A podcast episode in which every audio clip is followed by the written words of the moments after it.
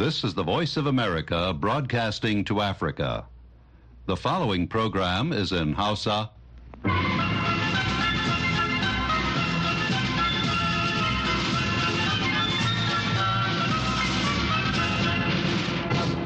Sashen Hausa na muryar Amurka ke magana daga nan birnin Washington DC.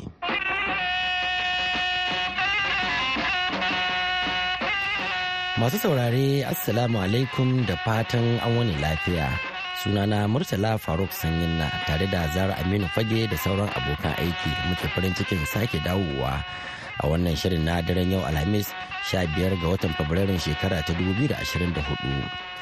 A cikin shirin namu na yanzu za ku ji cewa a Najeriya an soma wani yunkuri na sauya tsarin shugaban kasa mai cikakken iko a majalisar dokokin ƙasar. To sai dai masana na ganin cewa ba wannan ce matsalar ƙasar ba. halin 'yan siyasa ne da halin 'yan ƙasa su kansu da abin da suke buƙata su ga 'yan siyasa na yi ne shi yasa muke da wa'annan matsalolin a ɓangare ɗaya kuma shugaban najeriya bola ahmed tinubu ya yi wani taro da dukkan gwamnonin jihohin ƙasar domin tattauna yanayin da ƙasar take ciki jakadan faransa a jamhuriyar niger ya jaddada wa majalisar dokokin faransa zargin hannun tsohon shugaban niger ɗin muhammadu isuhu a juyin mulkin da sojoji suka yi a ƙasar ya gwada cewa kamar tun da shi shugaban yana iya ce ma sojojin da suka yi juyin mulki ku ce a tsaida abu kuma a tsaida kenan tsakaninsu akwai To za ku ji cikakkun rahotannin har ma da shirin yanayi da muhalli. To amma duk kafin waɗannan sai mun fara da labaran duniya tukunna.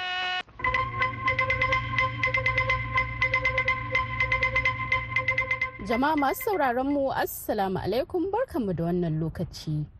A yau Alhamis ne kotun kolin India ta yi watsi da tsarin nan na bayar da tallafin kuɗaɗen gudanar da zaɓe wanda aka kwashe shekaru bakwai ana amfani da shi wanda ke baiwa mutane da kamfanoni damar ba da tallafin kudade mara adadi ga jam'iyyun siyasa ba tare da sun bayyana sunansu ba. Ana kallon matakin kotun a matsayin koma baya ga jam'iyyar baratiya janata ta prime minister narendra modi wacce ta fi kowace jam'iyya cin gajiyar tsarin wanda ta bullo da shi a shekarar 2017 'yan adawa da ƙungiyoyin fararen hula sun kalubalanci tsarin da ake kira electoral bonds bisa hujjar cewa hakan yana hana jama'a 'yancin sanin waɗanda suka baiwa jam'iyyun siyasa tallafin kuɗaɗe. A tsarin mutum ko kamfani na iya siyan takardu masu daraja na bond daga bankin jiha na ƙasar indiya tare da bayar da su ga wata jam'iyyar siyasa bisa radin kansu. Ƙasashen china da rasha sun kara ƙarfafa haɗin gwiwarsu a cikin 'yan makonnin nan inda shugabannin ƙasashen biyu suka sha alwashin ci gaba da yin mu'amala ta kud da kud inda jakadan china a rasha ya bayyana shirin shugaban rasha vladimir putin na kai ziyara china a wannan shekara. A yayin ganawarsa ta wayar tarho a ranar 8 ga watan fabrairun nan shugaban china xi jinping da putin sun nuna jin daɗin su kan zurfafa haɗin gwiwa tsakanin ƙasashen biyu a fannoni daban-daban kuma sun soki abin da suka kira katsalandan ɗin da amurka ke yi a harkokin sauran ƙasashen waje. Ukraine ta faɗa a yau Alhamis cewa wasu jerin harin makamai masu linzami da Rasha ta kai kan wasu yankuna na ƙasar Ukraine sun jikkata akalla mutane shida tare da lalata gine-gine da dama. Har ila yau makamai masu linzami na Rasha sun kai kai ciki babban birnin Ukraine inda jami'ai suka ce dakarun tsaron sama sun harbo dukkan makaman kuma ba a samu rahoton jikkata ba. Kafofin yada labarai na ƙasar lebanon sun rawaito cewa a yau alhamis adadin fararen hular da suka mutu sakamakon hare-hare biyu da isra'ila ta kai ƙasar lebanon ya karu zuwa goma waɗanda suka zama mafi muni a cikin sama da watanni huɗu da aka kwashe ana masayar wuta a kan iyakokin ƙasar Ƙungiyar Hezbollah ta ƙasar Lebanon ta lashe takobin mayar da martani kan hare-haren da aka kai a birnin Nabatiya da wani ƙauye da ke kudancin ƙasar. Sa'o'i kaɗan bayan harba wasu makamai daga Lebanon da suka hallaka sojan Isra'ila. Yawan adadin mutanen da suka mutu a harin na nuni da wani gagarumin sauyi a cikin sama da watanni huɗu na musayar hare-hare na yau da kullum da ake yi a kan iyakokin ƙasashen tun bayan barkewar yaƙin isra'ila da hamas a gaza a ranar 7 ga watan oktoba. An umarci ma'aikatan birnin bangkok da su yi aiki daga gida don gujewa gurɓacewar iska yayin da wani mummunan hazo ya mamaye babban birnin ƙasar thailand a yau alhamis. Hukumomin birnin sun nemi haɗin kan masu ɗaukar ma'aikata don taimakawa a birnin da ke da kusan mutane miliyan goma sha ɗaya don gujewa gurɓataccen yanayi wanda ake sa ran zai ci gaba har zuwa gobe juma'a. Shafin yanar gizo na hukumar sa ido kan gurɓatacciyar iska iqa ya sanya bangkok a cikin birane goma da suka fi fuskantar matsalar gurɓatar muhalli a safiyar yau alhamis. Hukumar iqa ta ce gurɓacewar ta kai matakin pm 2.5 mafi haɗari wacce burbushinta zai iya shiga cikin jini fiye da sau goma sha biyar a matakin da hukumar lafiya ta duniya ta gindaya.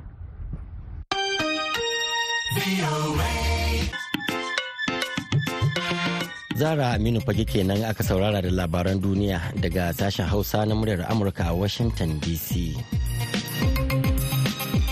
Yanzu kuma sai taskar rahotanninmu. A Najeriya ƙungiyar 'yan majalisar wakilai 60 ta fara wani yunkuri na kawar da tsarin mulkin shugaban kasa mai cikakken iko da ƙasar take kai tare da neman komawa tsarin majalisa da aka taba amfani da shi a ƙasar a lokacin jamhuriya ta farko. To sai dai kuma manazarta lamuran siyasa na bayyana ra'ayoyi mabambanta kan wannan yunkurin kamar yadda za ku ji a wannan rahoto da wakiliyarmu Madina Dauda ta aiko mana.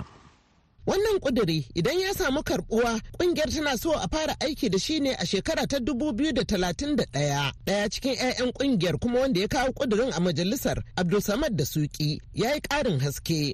Mun san muna da alama cewa da yadda Allah ya da cewa wannan zai mana aiki amma muna so 'yan Najeriya su shigo cikin a tattauna abubuwan nan sannan tare da su mu zo mu samu dokar da za ta yi mana aiki a Najeriya da tsarin da zai mana aiki a Najeriya. Na wannan tsari shi ne tsarin da muka sama tun lokacin su Saddauna ya muna aiki amma tun da aka bar shi har yanzu mun kasa gane kanmu a matsayin mu 'yan Najeriya sai muka ce gara mu koma mu abin da ya yi muna da wanda ke ta samu cikin wani yanayi. Amma ga kwararre a fannin siyasa da diflomasiyan ƙasa da ƙasa kuma malami a jami'ar Abuja, Dr. Faruk Bibi Faruk yana ganin ba wannan shine matsalar da Najeriya ke fuskanta a yanzu ba. Matsalar Najeriya ba matsalar tsarin mulki da ake amfani da shi ba ne. Tabbas akwai tsarin mulki kala-kala da ake tafiyar da mutane miliyoyi ko kusan biliyoyi a cikin duniya. Alal misali a tsarin mulki irin na wannan da ake magana a kai na parliamentary na 'yan majalisa masu cikakken iko da suke zama ministoci su zama su ne prime minister su ne da gwamnati a hannunsu. Akwai wannan akwai na shugaba mai cikakken iko wanda sai dai wato gwamnatinsa ta zo ta yi bayani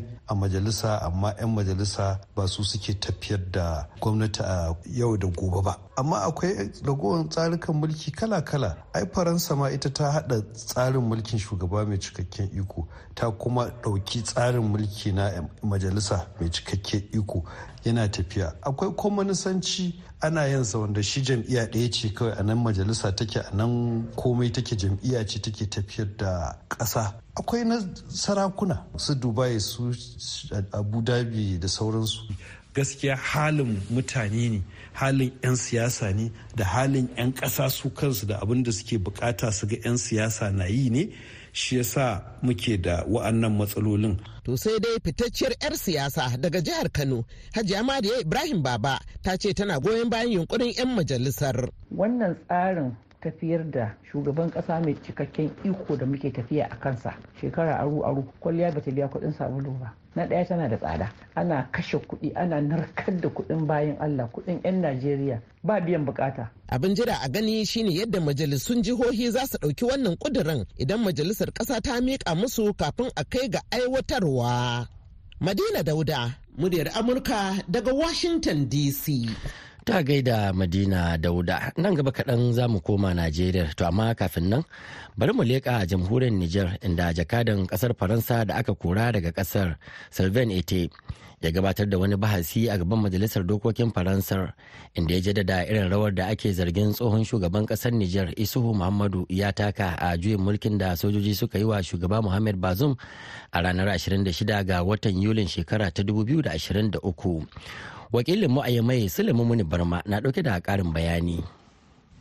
A zaman da kwamitin tsaron majalisar dokokin faransa ya gudanar a asirce ne jakadan faransa wanda hukumomin mulkin sojan cnsp suka kora daga nishiyar sylvain ite ya amsa tambayoyi game da zahirin abubuwan da ya sani dangane da koma bayan diflomasiyar da faransar ke fuskanta a ƙasar musamman daga ranar da soja suka kifar da gwamnatin muhammad bazoum.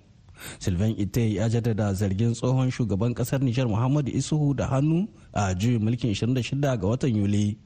Dan jaridar ƙasa da ƙasa mazaunin faransa dr. Sadiq abba ya karanta rahoton zaman majalisar da sai a wannan makon ya bayyana fili.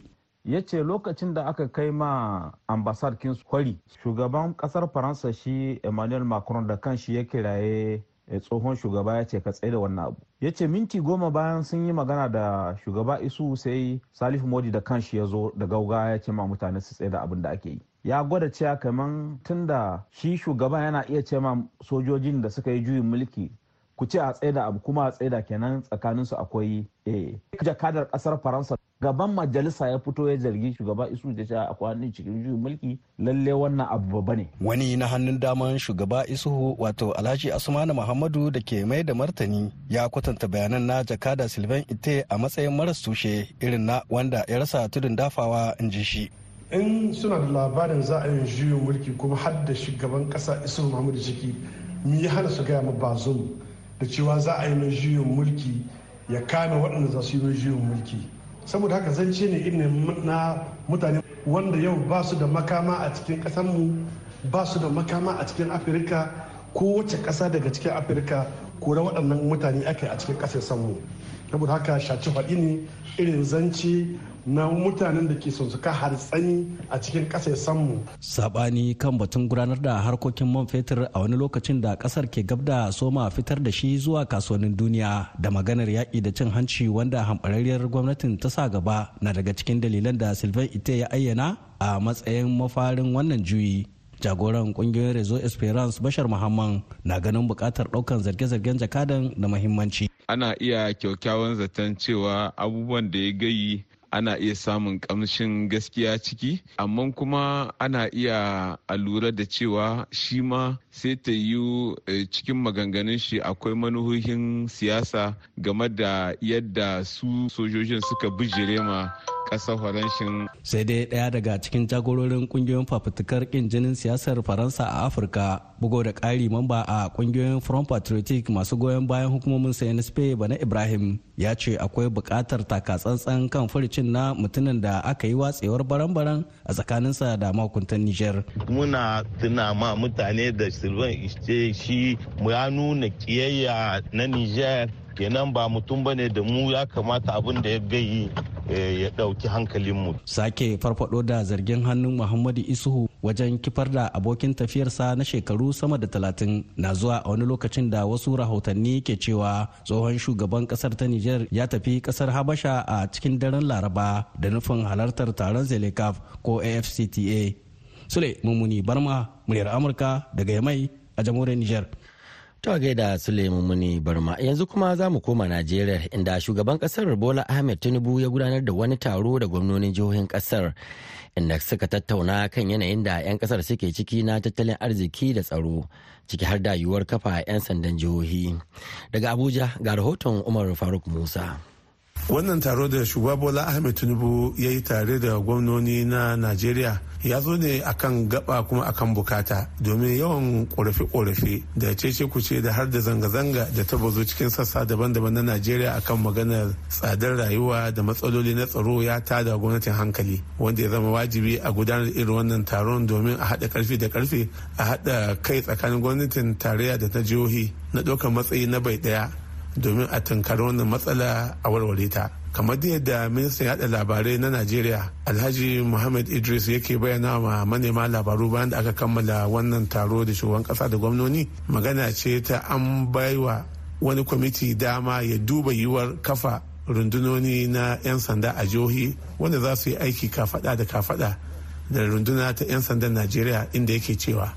Lalle ne 'yan najeriya su sani cewa gwamnati ba ta tsaya ta ga cewa an ci gaba da irin wannan wahalhalu da ake ciki ba kuma ta zauna. Musamman ma abubuwan da suka shafi ƙarancin abinci da ake da shi. Idan allah ya yarda gwamnati ta ɗauki matakin da zai zo ƙarshe. ministan yaɗa labarai na najeriya kenan idris muhammad a tattaunawa da ya da manema labaru a fadar gwamnati. 'yan ƙasa yanzu sun sa ido su ga irin mataki ko haɗin gwiwa da za a samu. Tsakanin gwamnatin tarayya da gwamnatoci na jihohi domin tinkarar matsalar yunwa da rashin ayyukan yi da tsadar rayuwa wanda babu shakka kamar matsalolin tsaro su ne suka haddabi al'ummar najeriya baki ɗaya umar faruk musa mura amurka a abuja najeriya. A gaida umar faruk musa.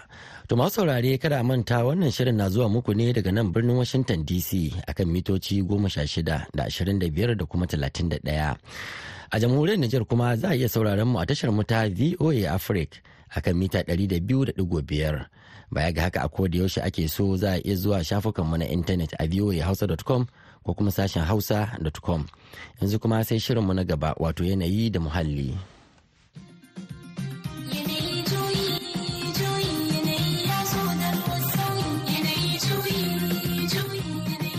Mai sauraro Assalamu alaikum.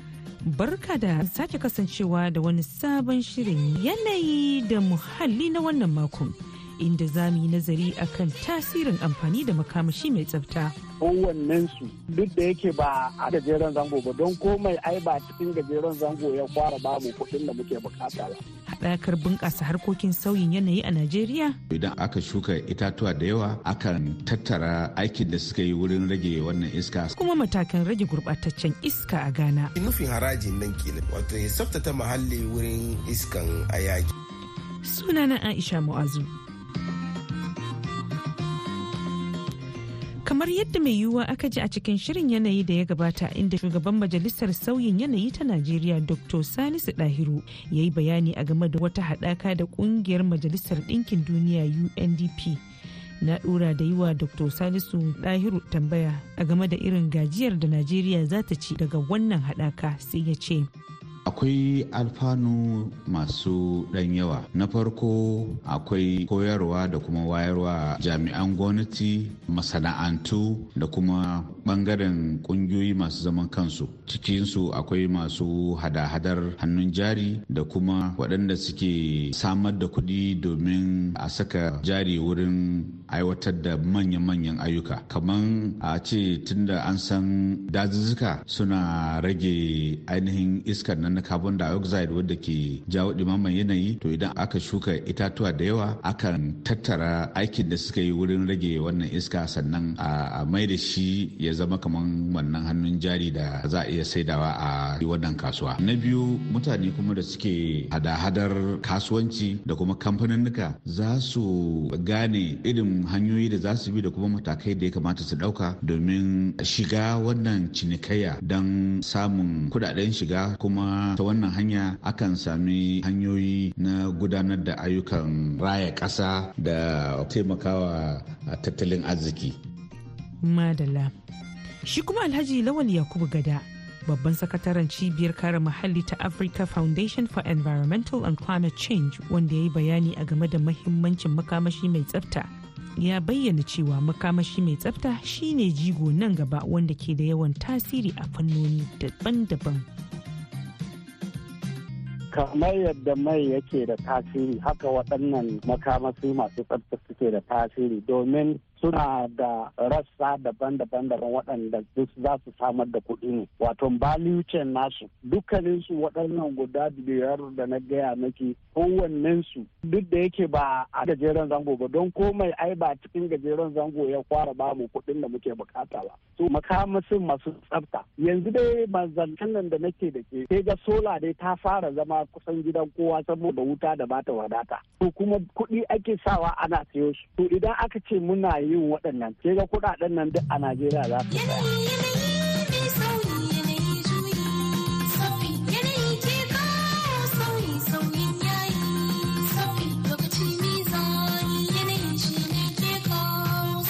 Madalla. A ci gaba da yunkurinta na tabbatar da tsaftar iskar da ake shaka a ƙasar Ghana da kuma kare lafiyar muhalli. Hukumar tattara kuɗaɗen shiga ta ghana ta kaddamar da dokar haraji ga masu amfani da wani rukunin motoci da babura da ke fidda hayaki inda wakiliyar muryar amurka a accra ta hada mana rahoto kan wannan mataki da ƙasar ta ɗauka.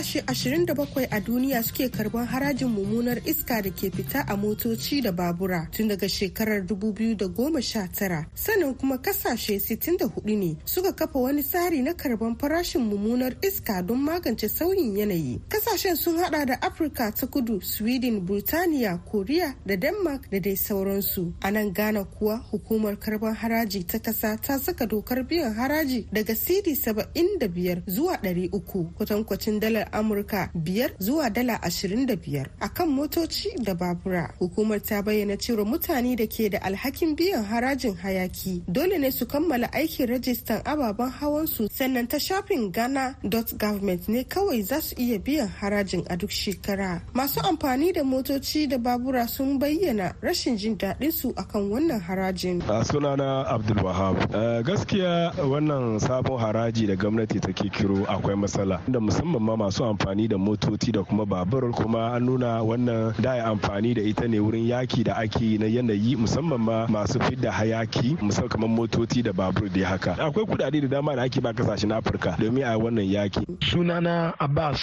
caesar mai lakami da only banda boy. Amma abin ni na gani ma'aikatan gwamnati manya-manya kamfanoni gana ke suka mamaye mu kasan mun ga irin hayaki da kone-kone da suka yi su dai ba je da shi a kansu ba. Ni da ƙoƙari na da iya gurguru da zufa ta a yi in sai mota na. Kai ne ba ka kawo wani mota ne da ka gwada mini cewa wannan ya kama mu duka amfani cewa wannan bai ba da hayaki. In saya a rage mina farashin sa yanzu nan kati bani na wanga saboda hayakin da ke fitowa aka kawo na raji ka dibiya. To yanzu na ji wannan mota na wani ciki ne ke ka bani gwamnati? Ko da ma namun gada da karɓi ne ya so mu kara wani abu kai mu samu wannan kuɗin nan. Ba kai wannan ba. Malam imrana ashiru da kani masanin tattalin arziki ya ce akwai dalilai da ke sa gwamnati ta karɓi haraji. Misali gwamnati na ya dora haraji kan waton sigari saboda ya bari sigari ya yi tsada. Don ya yi tsada zai hana mutane si. Gwamnati zai ya kawo domin ya hana mutane amfani da motoci da suke kawo ayakin da zai bata yanayin mu duka. Saboda ana so a inganta rayuwar. Saboda shi nufin harajin nan kenan. Wato ya tsaftace muhalli wurin iskan ayaki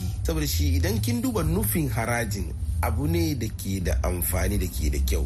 Malam Jafaru Dan Kwabiya, mataimakin daraktan binciken yanayi da abinci, ya yi sokaci akan abubuwa da ke haifar da mummunar yanayi. Abu mai muhimmanci shine farko, ilimin kimiyya ya bari mun san cewa itacuna ko daji su suke da wannan iko kama wa'annan gurbatattun iska sa'an nan kuma suna fidda iska wanda bil'adama ko rai ke nema ya iya yi rayuwa. Shesa da a ce ana neman gyara nan gaba to abun da ya cancanci gwamnatin ghana ya yi shine ya sa himma a wurin yaki da kada itacuna saboda neman gold. Babban matsala shine a mun ƙungiya kungiyanmu mun gaya ma gwamnati da 'yan kasan ghana cewa man da muke amfani da shi a nan kasan ghana da sauran ƙasashen afirka musamman ƙasashe a yammacin afirka muna da matsalan gurbatattun mai wanda suke da manya-manyan sinadiran da ke bata ma mutane rayuka yake bata mutane motoci sa'an nan yake kawo mana dumamar yanayi mai sanani. A ɓangare ɗaya kuwa wata sanarwa da hukumar kula da muhalli ta fitar ya bayyana cewa bana Ghana za ta huskanci huturu mai tsanani wadda ke ɗauke da gurɓatacciyar iska saboda sauyin yanayi inda hukumar ke kira ga duk jama'an kasa da su ɗauki matakin kare kansu. Daraktan kula da yanayi a Ghana, Harry Kwabuna Kokofo, ya bayyana abubuwan da ke haifar da gurɓatacciyar yanayin. Our own human activities are major contributors or major drivers to the situation we have on our hands. Ayyukanmu na ɗan adam su ne manyan abubuwa da ke ba da gudunmuwa ga halin da muke ciki yanzu. Wannan ya hada da kona duk wani nau'i na kayan aiki tayoyin motoci da ake konawa bugu da ƙari dafa abinci na gida da masu amfani da itace wurin girke-girke ciki har da gasa kifi da sauran ayyuka da suka danganci hakan. duk ajandan nan yana kan motoci masu fitar da gurɓatacciyar hayaki. Kuma duk za ku amince da ni cewa kashi biyu cikin uku na motocinmu suna fitar da hayaki sama da iyaka. Ita kuwa daraktan kula da cibiyoyin lafiya a ghana mary ehram ashinu ta ce masu fama da cutar asma fuka da duk wata cuta da ke damun huhu suna da yiwuwar sake kamuwa da cutar wadda magance ta. Zai yi wahala. Air pollution causes harm to virtually every organ of the body. Gurɓatacciyar iska tana la'ani ga kusan kowace gabar jiki ko da yake farkon wurin shigan yawancin shine sashin numfashi. Don haka a cikin huhu yana haifar da cututtuka masu kumburi da yawa. Yana haifar da asma amma kuma mun san cewa za su iya fita daga hanyoyin numfashi zuwa magudanar jini na dan adam. Kuma da zarar sun yi hakan, hakan na nufin za a iya su zuwa wasu gabobi da ke karɓan jini. Da haka yana iya haifar da cututtuka a cikin zuciya a cikin ƙwaƙwalwa da ko'ina. Kuma hakan yana nufin cewa akwai ƙarin haɗari ga lafiyar mutum da lafiyar jama'a. Daga ƙarshe dai index quality air wato cibiyar kula da ingancin iska mai na'urori masu auna frequency sama da goma a duk faɗin ƙasar ghana ta ce babban birnin ghana accra tana ɗauke da gurɓatacciyar iska mafi muni wadda ya zarce na mumbai a ƙasar india da wuhan na ƙasar sin. Hawa abdulkarim yankwaniya muryar amurka daga accra ghana. Mai sauraro a nan za mu dasa aya a cikin shirin yanayi da muhalli na wannan makon. Amma idan aka tara da mu zuwa makon gobe idan allah mai kowa mai kuma ya raya mu za mu dawo da wani sabon shirin yanzu a madadin dukkanin waɗanda suka ba da gudunmawa har ya kai ga nasarar wannan shirin musamman ma hawawu abdulkarim a ƙasar ghana da kuma waɗanda kuka ji muryoyinsu alhaji ali lawal yakubu gada da dr salisu ɗahiru sai kuma julie lathers gresham ta daidaita mana sauti ni aisha mu'azu nake muku sallama.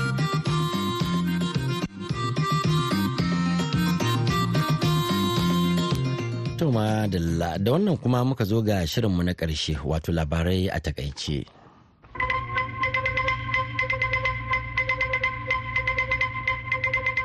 A yau Alhamis ne kotun kolin India ta yi watsi da tsarin nan na bayar da tallafin kuɗaɗen gudanar da zaɓe wanda aka kwashe shekaru bakwai ana amfani da shi wanda ke baiwa mutane da kamfanoni damar ba da tallafin kudade mara adadi ga jam'iyyun siyasa ba tare da sun bayyana sunansu ba.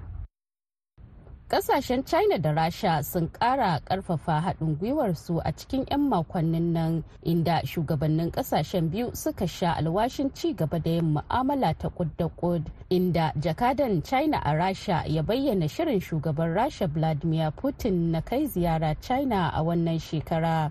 A yayin ganawarsa ta wayar tarho a ranar 8 ga watan fabrairun nan shugaban china xi jinping da putin sun nuna jin daɗin su kan zurfafa haɗin gwiwa tsakanin ƙasashen biyu a fannoni daban-daban kuma sun soki abin da suka kira katsalandan ɗin da amurka ke yi a harkokin sauran ƙasashen waje. An umarci ma'aikatan birnin bangkok da su yi aiki daga gida don gujewa gurɓacewar iska yayin da wani mummunan hazo ya mamaye babban birnin ƙasar thailand a yau alhamis hukumomin birnin sun nemi haɗin kan masu ɗaukar ma'aikata don taimakawa a birnin da ke da kusan mutane miliyan goma sha ɗaya don gujewa gurɓataccen yanayi wanda ake sa ran zai ci gaba har zuwa gobe juma'a. To masu saurare da haka muka kawo ƙarshen shirin namu na wannan lokaci sai kuma gobe da safe idan Allah ya kai mu za a ji mu ɗauke da wasu sababbin shirye-shirye. Yanzu a madadin Zahra Aminu Fage da ta taya ni gabatar da shirin sai kuma Julie Leathers Gresham da ta shirya ta kuma ba da umarni da ma injiniyar mu ta yanzu Kilia Williams. Ni Murtala Faruk Sanyin na ke muku fatan alkhairi مع السلامة.